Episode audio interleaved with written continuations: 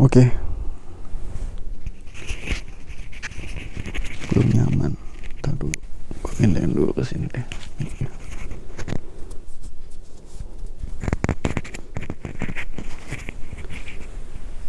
Oke, eh, nama gua Vero Pito atau biasa dipanggilnya Pito. Eh, nama lengkap gua Vero Pito Edo Ramandika Pramayuda. Iya, semua cerita itu kan emang dimulai dari perkenalan. Lu nggak bisa memulai cerita kalau nggak kenal dengan apa yang mau ceritain atau apa yang mau dengar dari cerita itu. Alasan gue bikin podcast ini apa ya? Sebenarnya tuh gue cuma pengen, uh, uh, gini deh, lu pernah nggak sih lu diem gitu atau lu mungkin lagi di motor atau ya entah di mana pun itu lah atau di kamar atau di mana terus lu itu ngomong sendiri gitu maksud nggak? Lu kayak iya lu kayak lu kayak lagi di podcast orang gitu kayak lu ngomong sendiri gitu terus lu jawab sendiri di otak lu itu kayak lagi ngobrol gitu. Nah gue cuma pengen ngelakuin itu doang gitu uh, maksud gue gue suka banget ngelakuin itu gitu gue gue gue kayak merasa diri gue ada dua gitu atau mungkin ada tiga gitu dan lagi ngobrol. Nah gue pengen ya pengen coba masukin ke podcast aja gitu. Jadi kalau nggak ada harapan gitu sih maksud gue gue nggak nggak berharap untuk ada yang dengar gitu. Ya at least mungkin gue sendiri yang bakalan dengerin ini gitu entah berapa bulan gitu atau berapa tahun ke depan atau mungkin anak gue yang yang baru dengerin gitu jadi isi podcastnya mungkin bakalan random banget dan ya suka-suka gue apa yang ada di otak gue gitu. Jadi uh, pengenalan uh, di, di di di podcast yang satu ini gue cuma pengen kenalin diri aja sih. Jadi nama gue itu kayak tadi ya nama gue Pito. Uh, eh, gue lahir itu 29 Juni 98 berarti sekarang gua ini 2023 ya direkamnya. Jadi uh, tahun ini bulan Juni nanti umur uh, usia gue itu 25 tahun. Anjay udah tua juga. Udah tua belum sih itu? Di usia yang sekarang dengan empat orang adik. Ya gue lima bersaudara gue anak pertama. Gue nggak mau bahas soal betapa sulitnya jadi generasi sandwich gitu ya yang harus diratapi gitu. Nggak gue nggak nggak membahas itu. Gue lebih seneng membahas sesuatu yang lain. Kayak di usia yang udah 25 tahun gue masih belum ada kepikiran yang jodoh itu enggak sih sebenarnya ya pengen gitu punya punya punya punya jodoh gitu. Kayak ngeliat kawan punya pacar itu pengen. Tapi entah kenapa semakin ke sini semakin gue merasa kayak gue bukan belum siap sih. Mungkin kayak apa ya kayak gue ngerasa kayak gue kurang gitu. Jadi kayak kalau gue mau punya cewek atau gue mau punya istri bahkan gitu kayak gue belum cukup untuk itu gitu. Jadi hobi gue mau ngomongin hobi hobi gue tuh sebenarnya nonton film doang. Itu tuh hobi yang paling sering gue lakuin gitu nonton film. Karena bagi gue ketika gue nonton film itu ada banyak banget pelajaran yang bisa diambil dan bisa diterapin ke kehidupan gue gitu. Gue udah sempat beberapa kali nyoba bikin uh, review film gitu. Gue nulis tentang film gitu.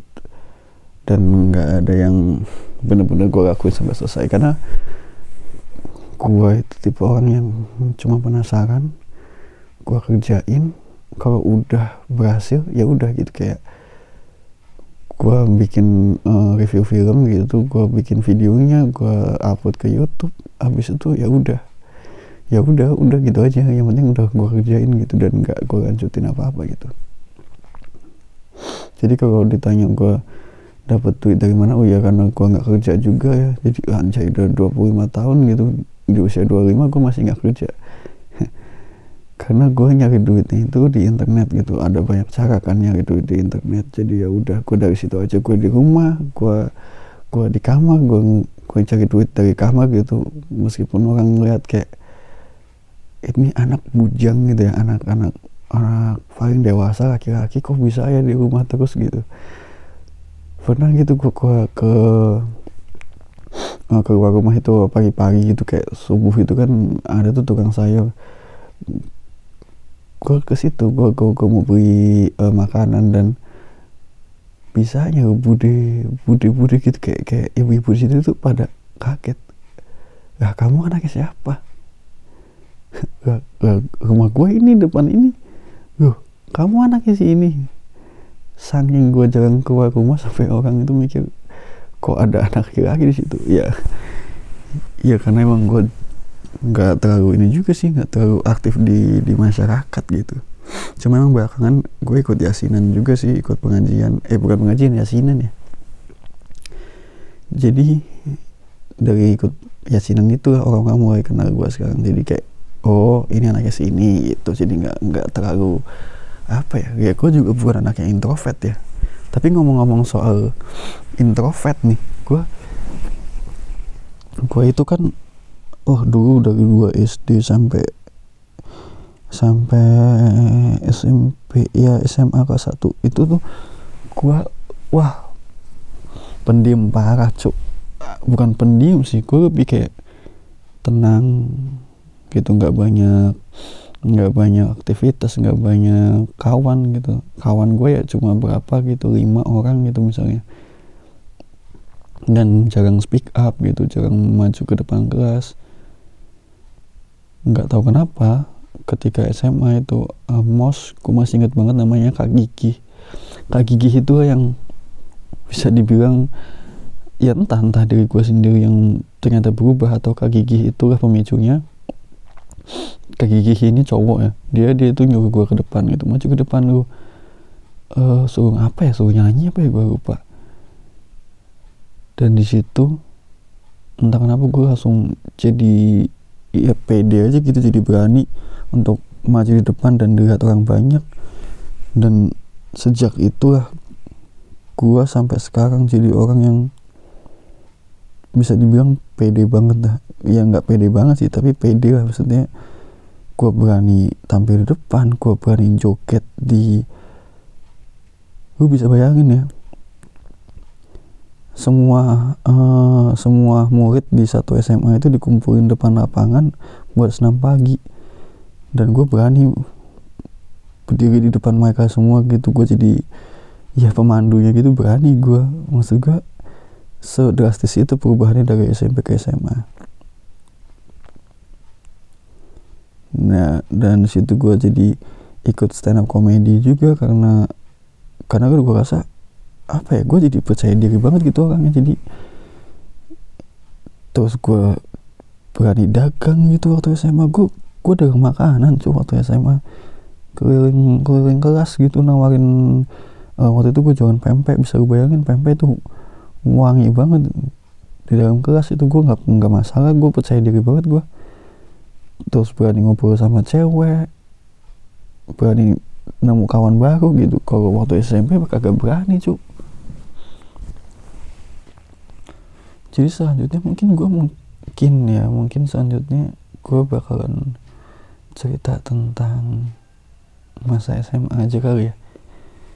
Karena ya seperti yang kita tahu masa SMA masa yang paling menyenangkan kayaknya sih jadi mungkin ya mungkin bakalan cerita tentang itu sih.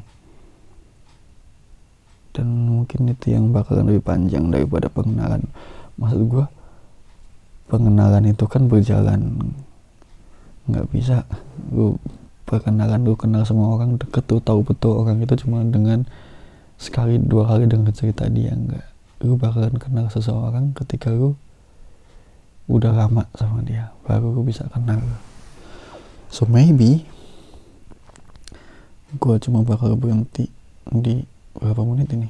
9 atau 10 menit mungkin ya? Udah nyampe situ aja doang podcastnya. Nanti selanjutnya baru gue cerita tentang ya masa SMA mungkin.